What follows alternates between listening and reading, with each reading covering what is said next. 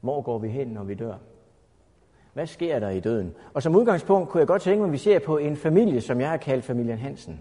Den består af faren, som vi kalder George, børnene Jennifer, Sebastian, Susanne og Mary, som er Toms kone, og så har vi Tom. For nylig døde Toms mor. Hun døde i en bilulykke, så det kom som et chok, men så kommer spørgsmålet. Hvad er der sket med min mor? Hvad betyder det med døden? Hvad sker der, når vi dør? Hvor er hun henne nu? Og faren forklarer det ud fra sit ateistiske synspunkt, at jamen, det er jo en del af udviklingen. Det er et skridt i den udvikling. Når du er død, så er du død, så sker der ikke mere. Mindet, det har du ved den her gravsten.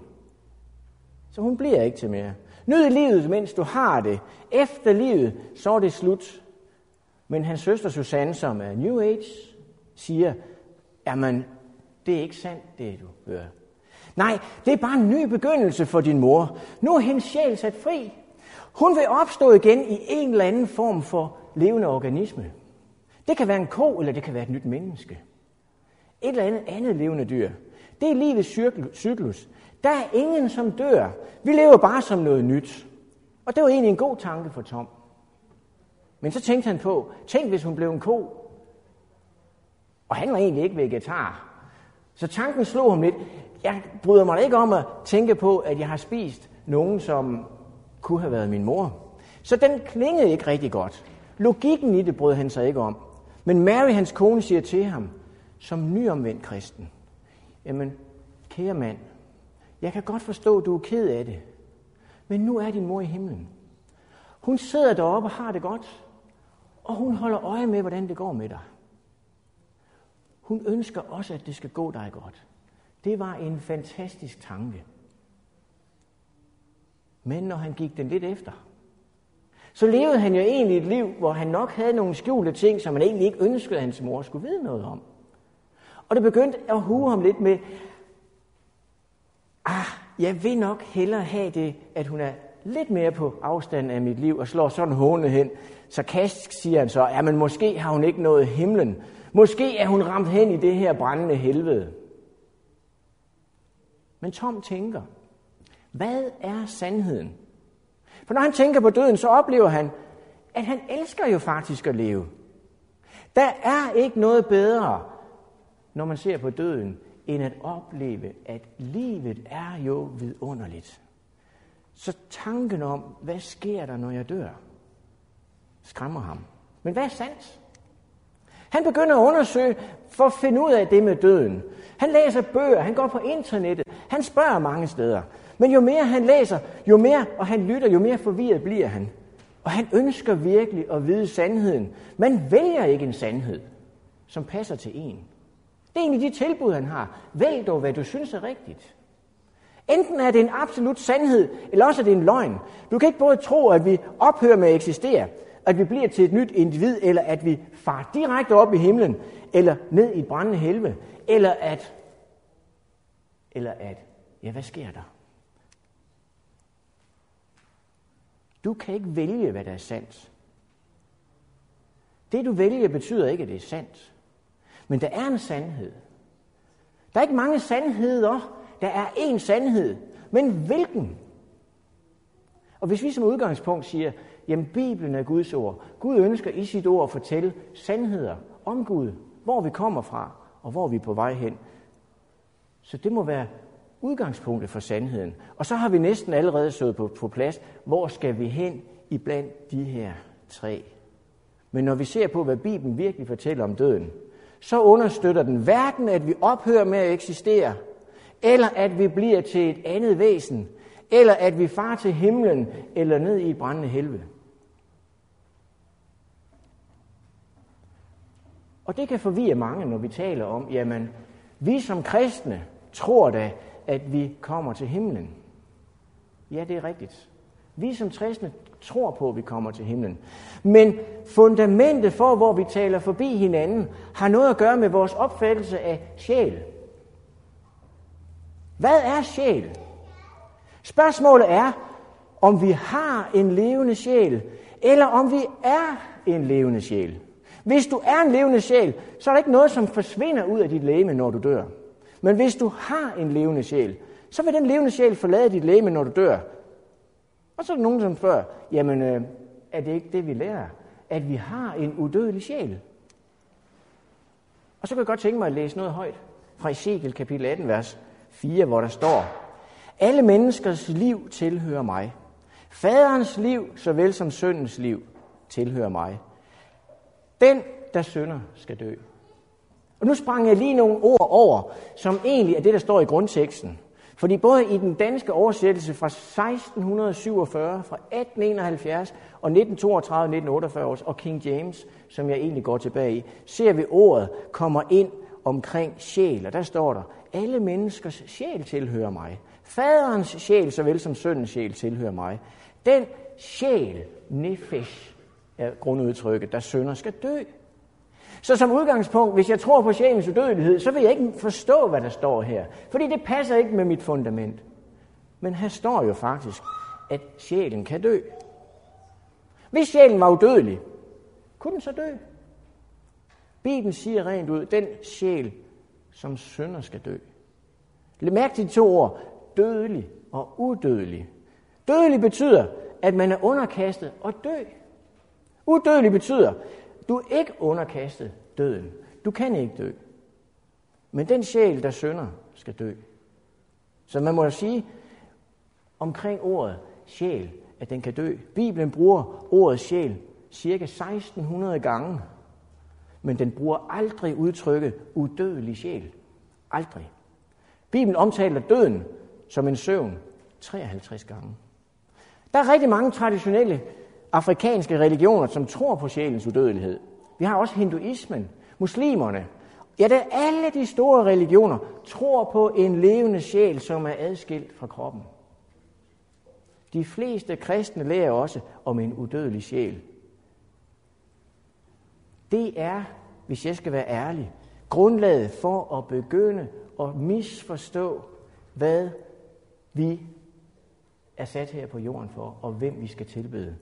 Det er grundlaget for at kunne begynde at ære og tilbede døde mennesker, og måske at kalde dem helgener. Om du tror, at vi har en levende sjæl, som forlader kroppen og lever videre, så har du faktisk åbnet op for noget, som jeg skal tale om i eftermiddag, om spiritismens verden. Spiritisme har noget at gøre med et fundament, hvor sjælens udødelighed er det, der hjælper os. Men som udgangspunkt, så fortæller Bibelen, at det kun er Gud, som er udødelig. Hvis sjælen aldrig dør, så må den jo også være udødelig. Diskussionen om dødens alvor er som udgangspunkt også Bibelens allerførste udfordring, og vi kan læse om det i 1. Mosebog kapitel 2, vers 17. Og der står, med træet til kundskab om godt og ondt må du ikke spise af, for den dag du spiser af det, skal du dø. Og længere nede siger Satan som slangen i vers 4, men slangen sagde til kvinden, vist skal I ikke dø. Så som udgangspunkt for døden, så ser vi, at det er et spørgsmål om at tro Gud eller tro på Satan. At forstå, at forstå, hvornår er man død, og hvornår er man ikke død. Det var fundamentet for den første løgn i himlen. Siden Adam og Eve har menneskeheden jo været under dødens magt. Alle er døde, eller før eller siden vil dø. Jeg håber ikke, at alle er døde. Jeg håber virkelig, I sidder og holder jer i live hernede. Fordi det var lidt endnu, inden jeg er færdig. Om vi er en del af en cyklus, hvor vi skal nå himlen og kan være sammen med Gud, så kan det godt forvirre at læse for eksempel Ezekiel 33, 11, hvor Gud siger, sig til dem, så sandt jeg lever, siger Gud Herren. Jeg ønsker ikke den uretfærdige død, men tværtimod at den uretfærdige vender om fra sin vej, så han bevarer livet.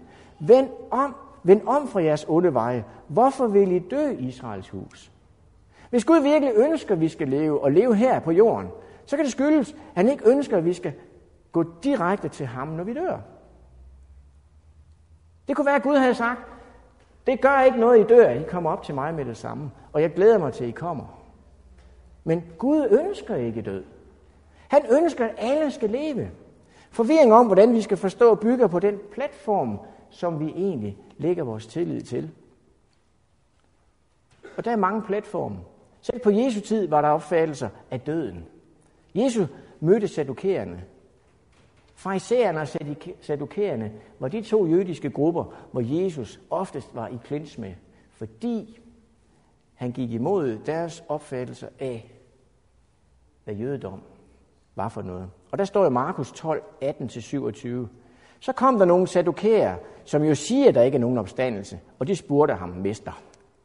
Moses har foreskrevet, at hvis en mand dør og efterlader sig en hustru med ingen børn, så skal hans bror skifte sig med hans hustru og skaffe sin bror afkom. Og det sker for alle syv børn. Jesus svarede dem, er I ikke kommet på vildspor netop, fordi I hverken kender skrifterne eller Guds magt? For når de døde opstår, så hverken gifter de sig eller giftes bort, men er som engle i himlen. Men om det, at de døde opstår, har I så ikke læst i Moses' bog, i stykket om tornebusken, hvor Gud siger til ham, jeg er Abrahams Gud, og Israels Gud, og Jakobs Gud. Han er ikke Gud for døde, men for levende.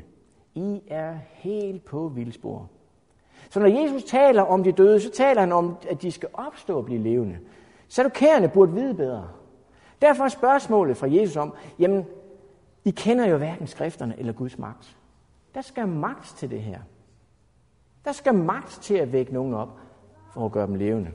Det var to forskellige fundamenter, som lagde grunden til forskellige opfattelser af døden. Men hvor kommer den idé fra med den her udødelige sjæl? En britisk politiker, premierminister William Edward Gladstone, som nok har siddet længst tid i engelsk politik, han var premierminister fra 1868 til 74, og fra 1880 til 85, og igen fra 1886 og fra 1892 til 94. Han var søn af en velstående politisk aktiv købmand i Liverpool og uddannet fra, fra både Eton og Oxford. Og han siger omkring de her ting, mennesket er dødeligt.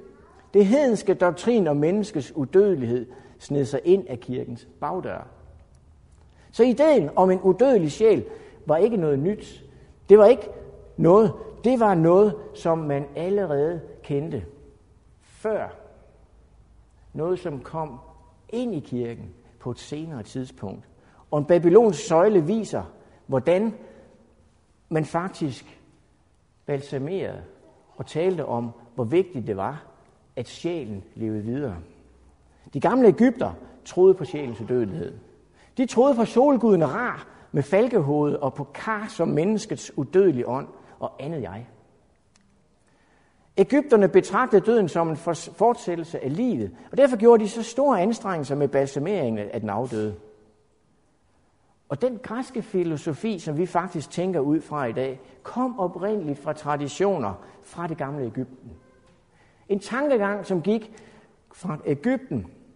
Deres præster blev adopteret over i det gamle babylonske styre, som da mederne og perserne indtog Babylon, der flygtede præstestyret over til Lille Asien, hvorfra de lærte de her tanker videre.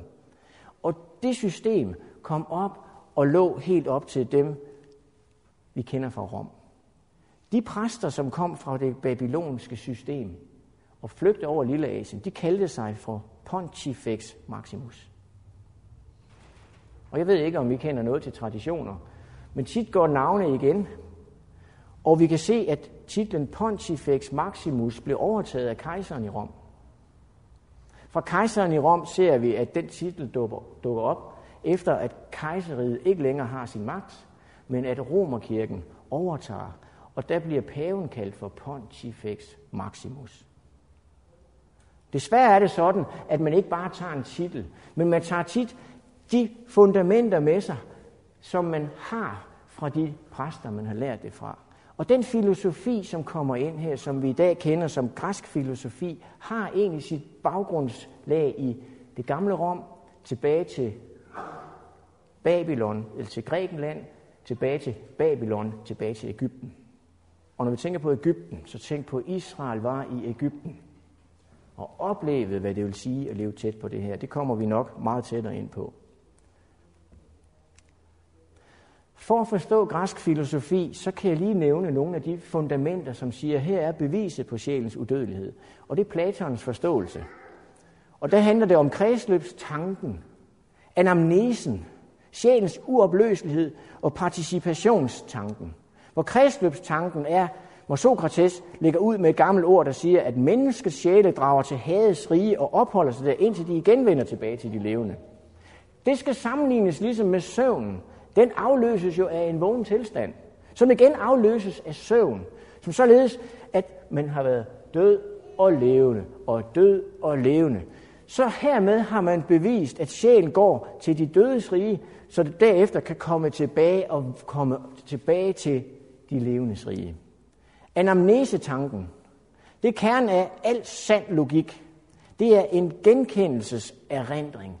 Det vil sige, at for at kunne lave en sådan relationsting om, at jeg synes, det her er fint, eller det her ikke er fint, det har jeg ikke i form af mig selv. Det må jeg have, fordi jeg i en tidligere udgave har oplevet, at det er fint. Så vi har altså haft vores forståelse af, hvad der er rigtigt og forkert fra noget tidligere. Og alle de begreber ligger i sjælens fundament. At grund til, at jeg er i stand til at se, at ting er rigtigt, er fordi jeg ikke har det i det kødelige er nu, men fordi min sjæl har oplevet det som noget godt i et tidligere liv. Og det førte Sokrates og alle dem, der troede på ham, til et dilemma. For det enten eksisterer de rene begreber ikke, eller også så må sjælen nødvendigvis eksistere forud for fødslen. Så det må nødvendigvis være den her beholder for alle de idéer, der kommer. Og så har vi problemet med sjælens uopløselighed. Fordi kroppen tilhører det komplekse, det fysiske og det, der er foranderligt. Det kan vi jo se på vores krop. Vi ældes, vi ændres, vi nedbrydes. Hvorimod sjælen, det er det enkle, det virkelige og det, som er bestandigt. Det er således kroppen, der gennem livet forandrer sig, men sjælen nærmest fungerer som garant for, at man i al den foranderlighed forbliver med at være den samme. Participationstanken. At sjælen er nu direkte at ligne med ilden i kraft af sin livbringende egenskab. Sjælen er uforenelig med livets modsætning, nemlig døden, og den altså ved nær kontakt med døden enten må gå til grunde eller undvige og flygte til et andet sted. Og derfor er konklusionen i den græske filosofi, som Sokrates også lægger frem, at det er nødvendigt, at sjælen ved kroppens død undviger og flygter til Hades. Hele det grundlag blev troet af rigtig mange mennesker. Og det er beviset på sjælens udødelighed. Så oldtidens helske romer, de troede på den her idé. Satanister i dag tror også på den idé. Der er meget få mennesker, som ikke tror på sjælens udødelighed. Det er naturligt, at satanister tror på det, når Satan har opfundet denne her usandhed, som ikke kan underbygges ud fra Bibelen. En hebraisk tankegang i modsat en, en græsk filosofi bygger på, at hvis du er en levende sjæl, så er der ikke noget, som forlader kroppen, når du dør. Du og jeg har svært ved at tænke ud fra et græsk fundament, ved ikke at tænke ud fra et græsk fundament, fordi det er vi vokset op med. Og jeg kan tage et godt eksempel lige ud af jeres baghave, for vi har lægegærningen. Den lægegærning, som jeg måske selv er en del af, for jeg arbejder som fysioterapeut, har egentlig som udgangspunkt græsk filosofi. Deres primære opgave i græsk filosofi er at have sjæl og læme adskilte. Sjælen har det godt. Det er den, der er i fokus. Pyt med læmet. Får du problemer, så lapper vi på løsningen. Det er græsk tankegang. Hvorimod en hebraisk tankegang inden for lægeverdenen, det er, hvis du fysisk holder dig sund og mentalt holder dig sund, så har du også en sund sjæl. Hvor ville vi have haft et godt system med færre sygehuse, om vi havde bygget på hebraisk tankegang? Fordi jeg lærer rigtig meget inden for min branche, det er, lagt på problemerne, og vi har svært ved at overskue, hvor kommer sygdommene fra.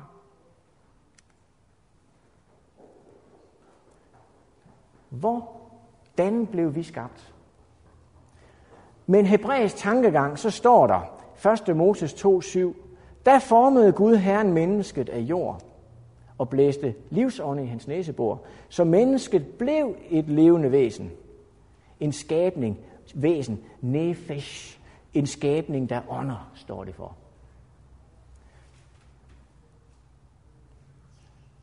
Det, der står videre, det er, at da ondskaben tog til, så står der i 1. Mosebog 6.3, Der sagde Mo, Herren, min livsånde, ruach, vind, det at vi trækker vejret, det bogstavelige liv, skal ikke forblive i mennesket for evigt. De er dødelige. Deres levetid skal være 120 år. Så døden er skabelsen i modsat rækkefølge, ifølge hebraisk og bibelsk tankegang. Gud tager sin livsånde tilbage, og vi kender jo selv udtrykket, af jord er du kommet, til jord skal du blive, og af jorden skal du igen opstå. Hvilket forvirrer mange, som har sjælens dødelighed som udgangspunkt. Det udtryk er faktisk hentet fra prædikerne kapitel 12, vers 7, hvor der står, Støvet vender tilbage til jorden, hvor det var, og livsånden, ruak, vender tilbage til Gud, som gav den. Som gav den. Gud er liv, og livet kommer fra ham. Apostlenes gerne kapitel 17, vers 25.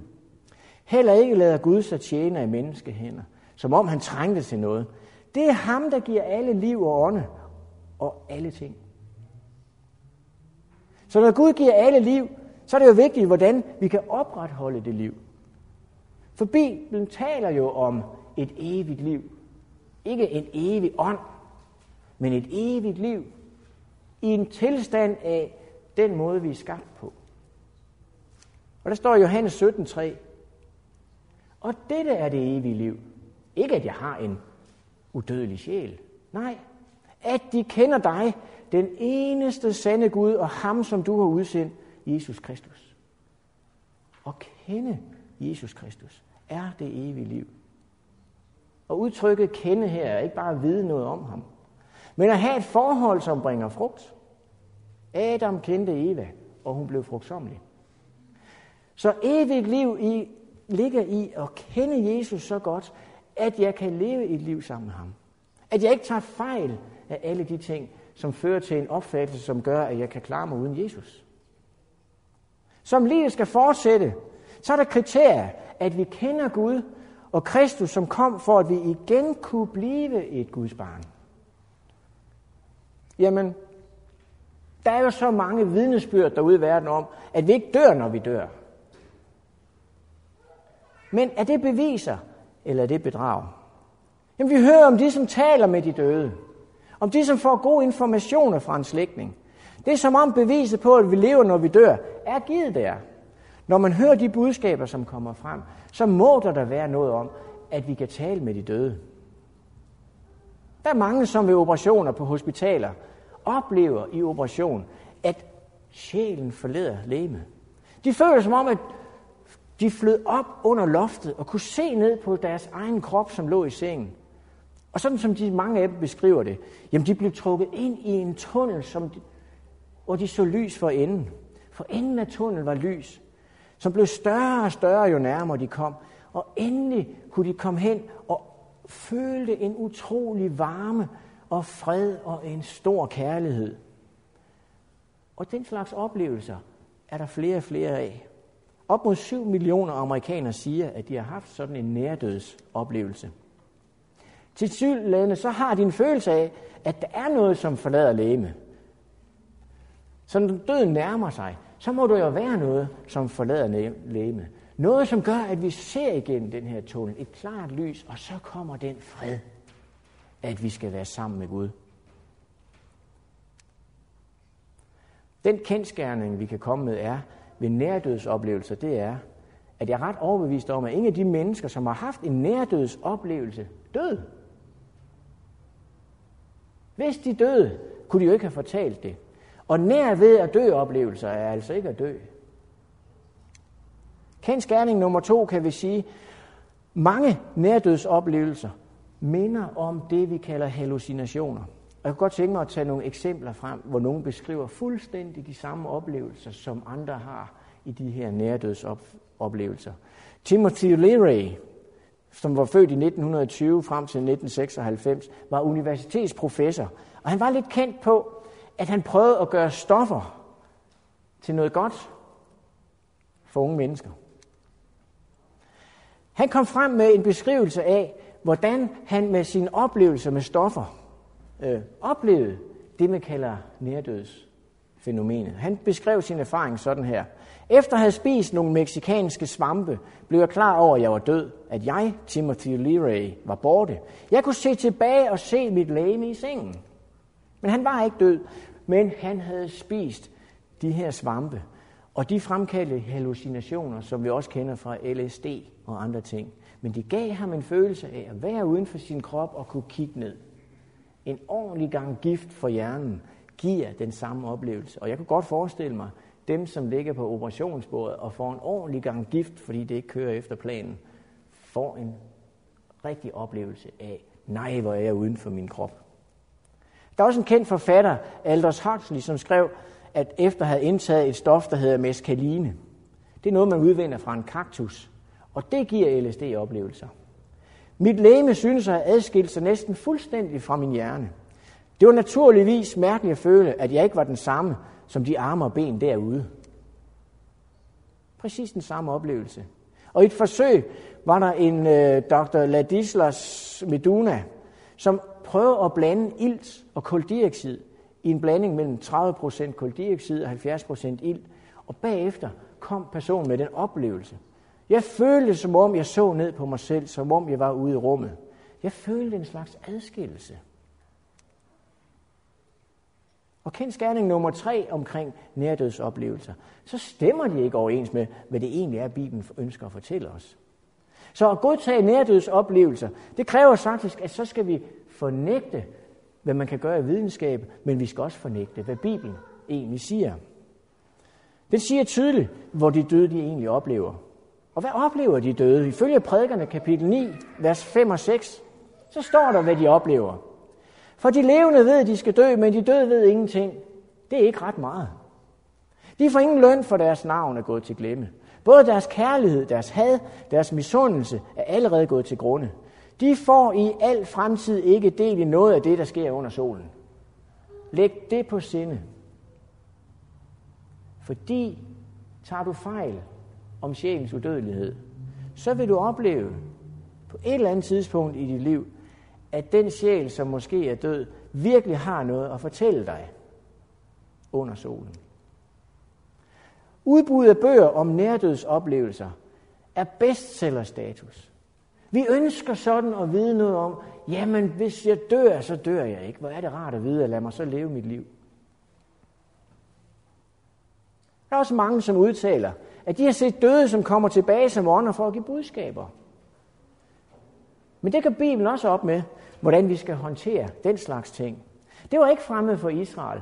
De havde jo oplevet, det vil sige at have nabolande omkring sig, som troede på de ting, som arbejdede med de ånder, som virkelig brugte ånderne og kommunikerede med de her ånder.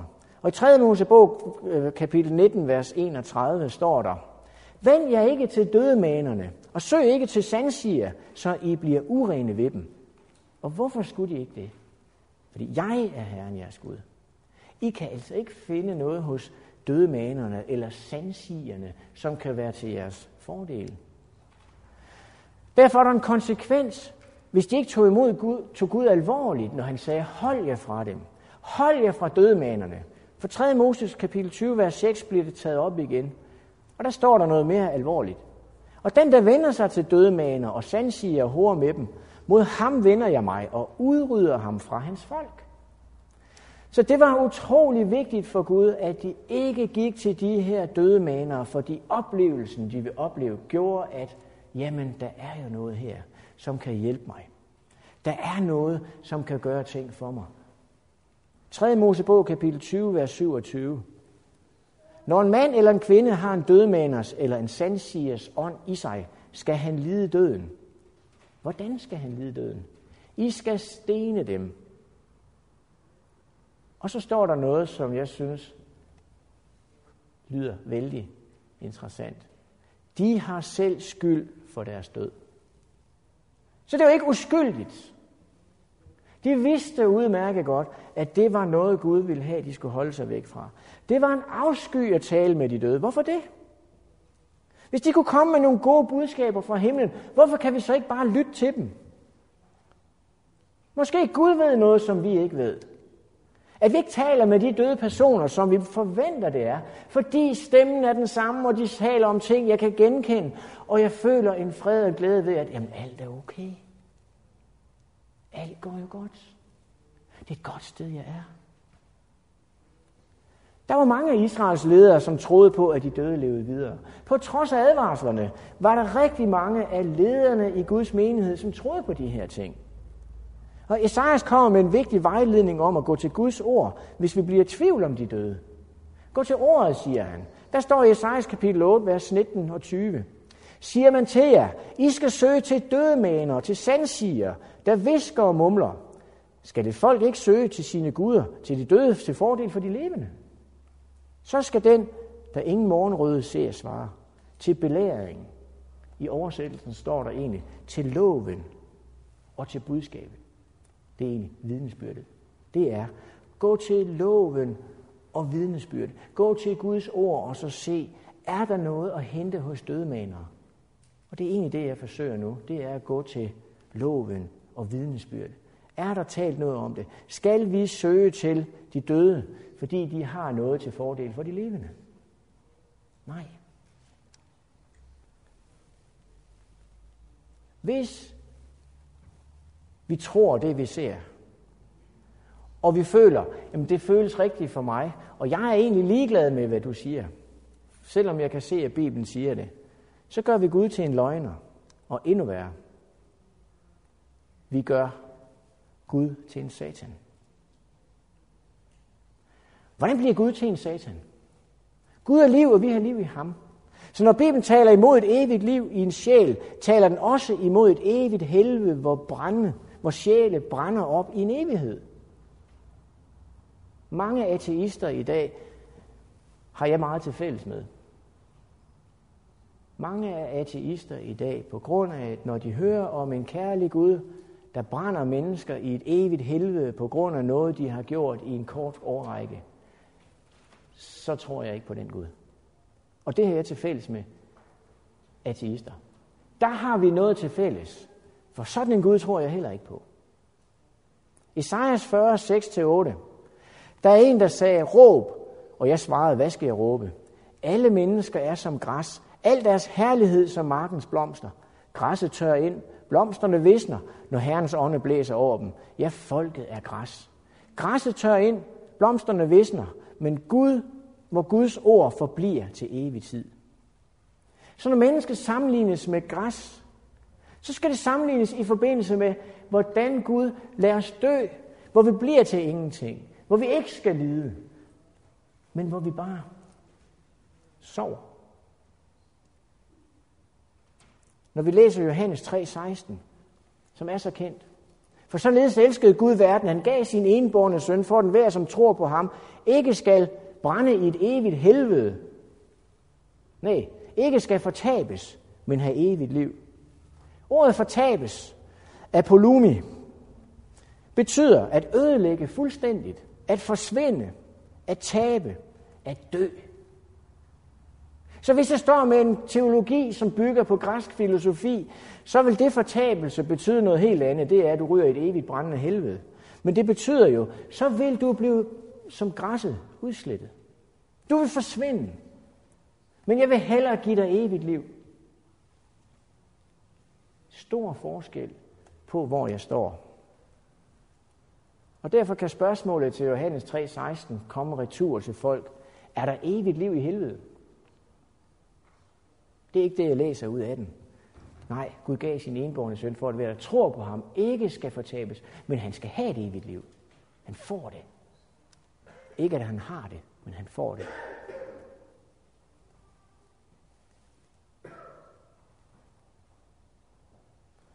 Det Jesus ønsker at fortælle rent ud, som vi skal være bange for, det er Matthæus 10, 28. Og det siger han til sine disciple. Frygt ikke dem, der slår lægemet ihjel, men ikke kan slå sjælen ihjel. Men frygt derimod ham, som kan lade både sjæl og læme gå fortabt i helvede. Men nu du taler om helvede, Jamen, Jesus taler jo om den fattige Lazarus, som døde og lå i Abrahams skød. Og det har da noget med helvede at gøre, har det ikke? Lukas 16, 19-31, og lad os prøve at kigge på det. Det handler om en rig mand, som kom i dødsriget, hvor han pintes. Gør det ikke. Det taler der for, at sjælen lever videre efter døden. En rig mand levede i fest og pragt, og en fattig mand, Lazarus, lå i hans port og var meget syg. Og i vers 22 så står der, så døde den fattige, og han blev af englene båret hen i Abrahams skød. Også den rige døde og blev begravet. Da han slår øjnene op i dødsriget, hvor han pines, ser han Abraham langt borte, og Lazarus i hans skød. Fader Abraham, råbte han, forbarm dig over mig og send Lazarus, så han kan døbe spidsen af sin finger i vand og læske min tunge, for jeg pines i disse lurer. Men Abraham svarede, barn, husk på, at du fik dit gode, mens du levede, og Lazarus på samme måde det onde. Nu trøstes han her, hvor, mens du pines. Desuden er der lagt en dyb grøft imellem os, mellem os og jer, for at de, der vil herfra over til jer, ikke skal kunne komme det. Og de heller ikke skal komme over til os deroverfra. Der sagde han, så beder jeg dig, fader, om du vil sende ham til min fars hus. For jeg har fem brødre, for at han kan advare dem, så de ikke også skal komme til dette pinested. Men Abraham svarede, de har Moses og profeterne, dem kan de høre. Nej, fader Abraham, sagde han. Men kommer der en til dem fra de døde, vil de omvende sig. Abraham svarede, hvis de ikke hører Moses og profeterne, vil de heller ikke lade sig overbevise, selvom en står op fra de døde. Jamen er det ikke en lignelse for, at man skal tro på et brændende helvede? Men tydelig advarsel til folk om, at hvis du ikke opfylder visse krav, så ryger du i et brændende helvede.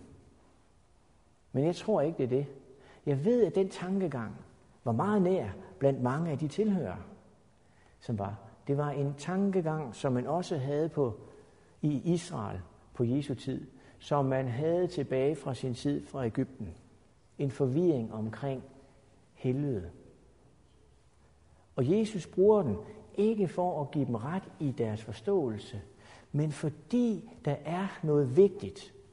Du kan ikke hente information fra de døde. Og hvis der skulle komme en fra de døde, hvordan ville I så reagere på det? Dit valg, om jeg virkelig sendte en fra de døde. For hvad ser vi senere? Jeg tror, at lignelsen ligger op til det, at Jesus på et tidspunkt faktisk opvækker Lazarus fra de døde. Og det må da være et bevis, for nu kommer det bevis jo. Send jo en fra de døde. Men vi læser jo om, hvordan at på trods af det, at Jesus sendte en, som havde været virkelig død i fire dage, så ville de også slå ham ihjel. Johannes 11, 1-9. Lad os se på historien. Lazarus lå syg, lå syg, og Jesus bliver tilkaldt, men i vers 4 læser vi. Da Jesus hørte det, sagde han, den sygdom er ikke til døden, men tjener til Guds herlighed, for at Guds søn skal herliggøres ved den.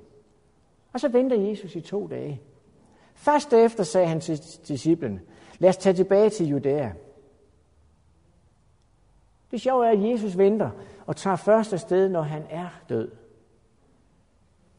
Hvor ven Lazarus sover, siger han. Men jeg går hen og vækker ham. Disciplene sagde til ham, herre, hvis han sover, så kommer han sig. Jesus havde talt om hans død, men de andre mente, at han talte om almindelig søvn. Da sagde Jesus lige ud til dem, Lazarus er død.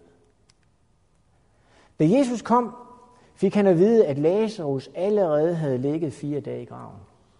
Det har stor betydning for Jesus, at han allerede har ligget fire dage i graven, fordi jødisk tradition var, at når folk døde, så blev de lagt i graven meget hurtigt på grund af varmen. Men i tre dage gik man ud og kaldte på vedkommende, fordi i tradition kunne de godt vågne op af døden. De kunne have været skindøde. Så i tre dage gik man ud og kaldte for at se håb om, at det kunne jo være. En tradition. Men her ventede han til fjerde dagen. Han var virkelig død. Og i vers 20 står der, da nu Martha hørte, at Jesus var på vej, gik hun ud for at møde ham. Men Maria blev siddende inde i huset. Martha sagde til Jesus, her, havde du været her, var min bror ikke død. Men selv nu ved jeg, at hvad du beder Gud om, det vil Gud give dig. Jesus sagde til hende, din bror skal opstå. Så her siger Jesus lige ud, hvad det er, der skal ske med Lazarus. Han skal opstå igen. Det er ikke hans sjæl, som er far til himlen her. Og så prøv at høre, hvad Martha siger. Hun svarede ham, jeg ved, at han skal opstå ved opstandelsen på den yderste dag. Så tanken, som vi har om en opstandelse på den yderste dag, ligger en masse ord ind i, at så må du jo forstå, hvad opstandelse betyder, men også hvad den yderste dag egentlig er. Og det i sig selv er et vidunderligt studie at gå igennem, fordi det er heller ikke en hemmelighed for os, hvor det er. Hun havde en stor tro på, at han skulle opstå igen. Hun troede på, at han var virkelig død, men at han skulle oplives på den her store dag. Og videre i vers 41, så læser vi, at efter at Jesus ønsker at se Lazarus og de andre, efter at han havde været død, død så længe, og de havde fået at vide, at han stinker jo allerede, så siger han, til stenen væk. Og så tog de stenen væk. Jesus så op mod himlen og sagde, Far, jeg takker dig, fordi du har hørt mig. Selv vidste jeg, at du altid hører mig, men det var for folkeskarens skyld, som står her, at jeg sagde det. For at de skal tro, at du har udsendt mig. Den har sagt det, råbte han med høj røst. Lazarus, kom herud. Og den døde kom ud med strimler af linned viklet om fødder og hænder, og med et klæde viklet rundt om ansigtet. Jesus sagde til dem, løs ham og lad ham gå. Kan du se det her for dig? Jesus kalder ham ud, og han er levende. Jamen, hvor har han været i de fire dage, han har været død? Jesus sagde ikke, Lazarus, kom herned i dit læme igen. Han sagde heller ikke, Lazarus, kom op fra helvede. Han sagde, Lazarus, kom herud. De døde ved ingenting. Døden er en søvn. Bibelen nævner det så mange gange, at døden er en søvn. Og hvad er det, Jesus kalder det? En søvn. Et eksempel fra 2 Samuel 7:12, som, hvor der bliver sagt til David, der står der, Når dine dage er omme, og du er lagt dig til hvile hos dine fædre ved at lade en anden af dine efterkommer, dit eget kød og blod, efterfølge dig, og jeg vil grundfæste hans kongedømme. Det var sagt til David. Men det at lægge sig til hvile hos sine fædre betyder altså ikke, at man lægger sig ned og får en ordentlig morfar sammen med de kendte i sin familie. Nej, det betyder, at man ligger død og sover. Den tanke, at man sover til den yderste dag, hvor man skal genopstå, var ikke fremmed for hverken Abraham eller nogen af de første. For når Abraham døde, så vil han lægges i graven hos Sara i Magpela øst for Mamre. Da Isak døde, blev han begravet i den samme grav. Rachel blev begravet præcis samme sted. Jakob blev begravet samme sted. Og Josef, som var i Ægypten, bad om, at de ville tage hans knogler med, når de forlod Ægypten, fordi han skulle lægges i den samme grav.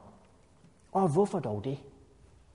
Jo, for på den yderste dag, på genopstandelsens dag, så var de samlet som den familie, de var. Det var et ønske og en tillid til, at Gud vil opvække mig, og jeg skal være sammen med min familie igen. De var klar over, at der skete ikke noget, mens de var døde. Så derfor er der et godt råd i prædikerne kapitel 9, vers 10. Alt, hvad din hånd finder på at gøre, skal du gøre af al din magt. For i dødsriget, hvor du går hen, er der ingen handling eller sammenhæng, ingen kundskab eller visdom. Jamen, står der ikke, at røveren på korset kom til himlen samme dag? Lukas 23, 42. Han sagde, Jesus, husk mig, når du kommer i dit rige. Og Jesus sagde til ham, sandelig siger jeg dig, i dag skal du være med mig i paradis. Nu er det sådan, at en måde at oversætte en tekst på har noget med tegnsætninger at gøre. I originalteksten var der ikke tegnsætninger. Og der er et princip i det. Jeg kan sige en engelsk sætning, som jeg har fra en, der holdt en genial tale om, han i forbindelse med en, som skulle købe diamanter. Og så sender han hjem, diamanterne var dyrere, end han havde regnet med. Så han sender en telegram hjem, og det var dyrt, så det var nogle år siden hvor han fortæller, de er flotte, men de er noget dyre. Skal jeg købe dem? Og så får han svar tilbage, no price is too high. Fint, jeg køber dem. og kommer hjem og viser dem frem og siger, se hvor flotte de er. Og hans chef siger til ham, jamen helt ærligt, fik du ikke mit telegram? Jo, og du sagde, no price is too high. Nej, jeg skrev, no, price is too high. Så det har stor betydning, hvordan jeg tolker min forståelse af, hvornår jeg går til himlen, hvad Jesus siger. Og udtrykket, sandelig siger jeg dig i dag, var et ganske almindeligt udtryk, som man brugte på den tid, Jesus levede. Som tegn på, at det her skal du vide her nu. Så sandelig siger jeg dig i dag. Er ikke det samme som at sige, sandelig siger jeg dig, i dag skal du. Så det Jesus har sagt er, sandelig siger jeg dig i dag, du skal være med mig i paradis. Jesus får jo heller ikke til himlen på fredagen, men først om søndagen. Det passer også meget bedre med Jesu udtalelser, når vi skal mødes i himlen. For Johannes 6,40 står der, For min far vilje er, at enhver, som ser søn og tror på ham, skal have evigt liv, og jeg skal oprejse ham på den yderste dag. Det handler ikke om at fare til himlen, her når vi dør, men at vi skal have evigt liv. Og Gud, Jesus, vil sørge for at oprejse os på den yderste dag. Ved du, hvad den yderste dag er? Ellers er det et fantastisk studie at gå igennem. Røveren troede, at Jesus ville fuldføre sin mission på trods af korset. Det er det, vi kan læse. Han vidste, hvem Messias var. Han havde set og oplevet ting, som Jesus havde gjort, og kommet ud på trods af det i en tilstand af, hvor han oplever, nu skal jeg dø på grund af mine sønder. Men Kristus hang der uskyldig. Og røveren siger, ja, vi hænger her på grund af, at vi er skyldige. Han hænger her uskyldig. Og siger, på den yderste dag, Jesus, når du har oprettet dit rige, så husk på mig. Husk på mig. Det er det, som Gud ønsker af os alle. Det er at tro på, at vi har ikke gjort noget godt. Røveren indså, at jeg har intet godt gjort. Men du, Messias, hænger der på grund af mig.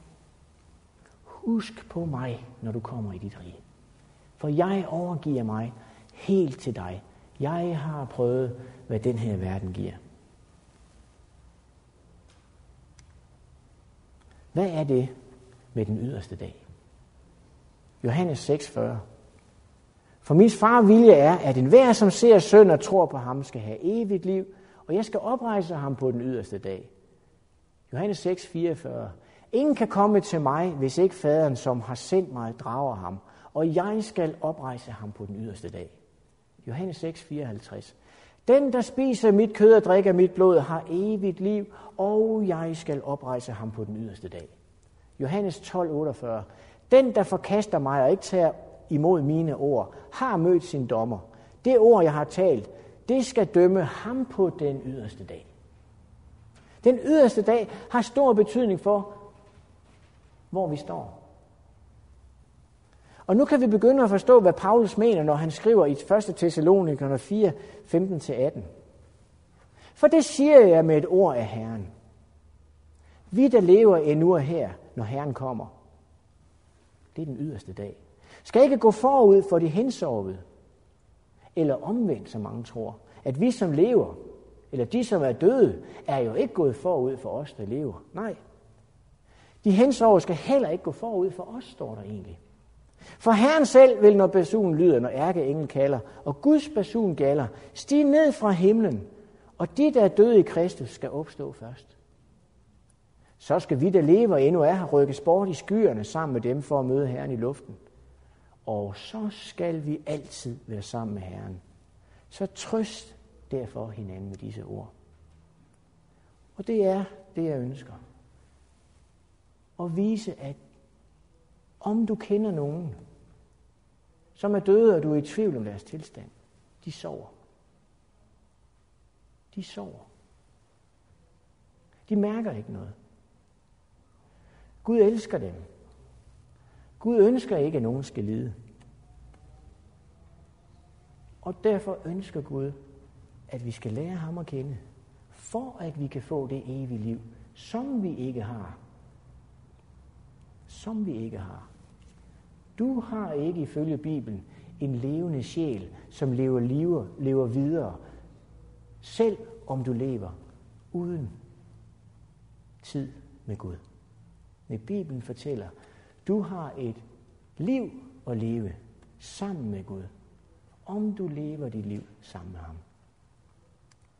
Problemet nu er, at den tanke, hvad sker der, når vi dør, har så store konsekvenser, at Gud ønsker at stene dem, som bringer den ind i Guds menighed. Og mødet i eftermiddag, der skal vi tage op og så se, hvad sker der med den menighed? Hvad sker der med fundamentet for den Guds menighed, når de tager det her til sig? Og lever med det som et del af kirkens fundament. Og det er et alvorligt emne. Men det er også et emne, hvor vi skal tage op, hvordan bliver det med den her jord? Hvordan skal den her jord afsluttes? Så om du har muligheder, så ses vi også i eftermiddag. Og jeg vil gerne slutte af med en bøn. Kære himmelske far, tak fordi vi i dit ord kan se vejledninger om, hvad der er sandt. Tak fordi, at der kan ske mirakler omkring os, at vi kan høre om ting, som lyder sande og som er ikke til at forklare. Men dit ord har vist det førhen og advaret mod det. Tak fordi, at vi kan vende os til dig og se, at gør vi os afhængige af dig, så vil du lede os gennem den forvirring og give os den trøst, som vi har brug for. Tak fordi, at du har en menighed også, som lever efter dit ord og som har Bibelen som fundament. Tak fordi, at vi alle kan mødes i dit hus. Hjælp os hver især og hold os til dig. At vi ikke skal leve som om vi har en levende sjæl, men at vi skal leve, så vi ved, at vi får et evigt liv. Jeg lægger alt i dine hænder og beder om, du vil velsigne os hver især. I Jesu navn. Amen.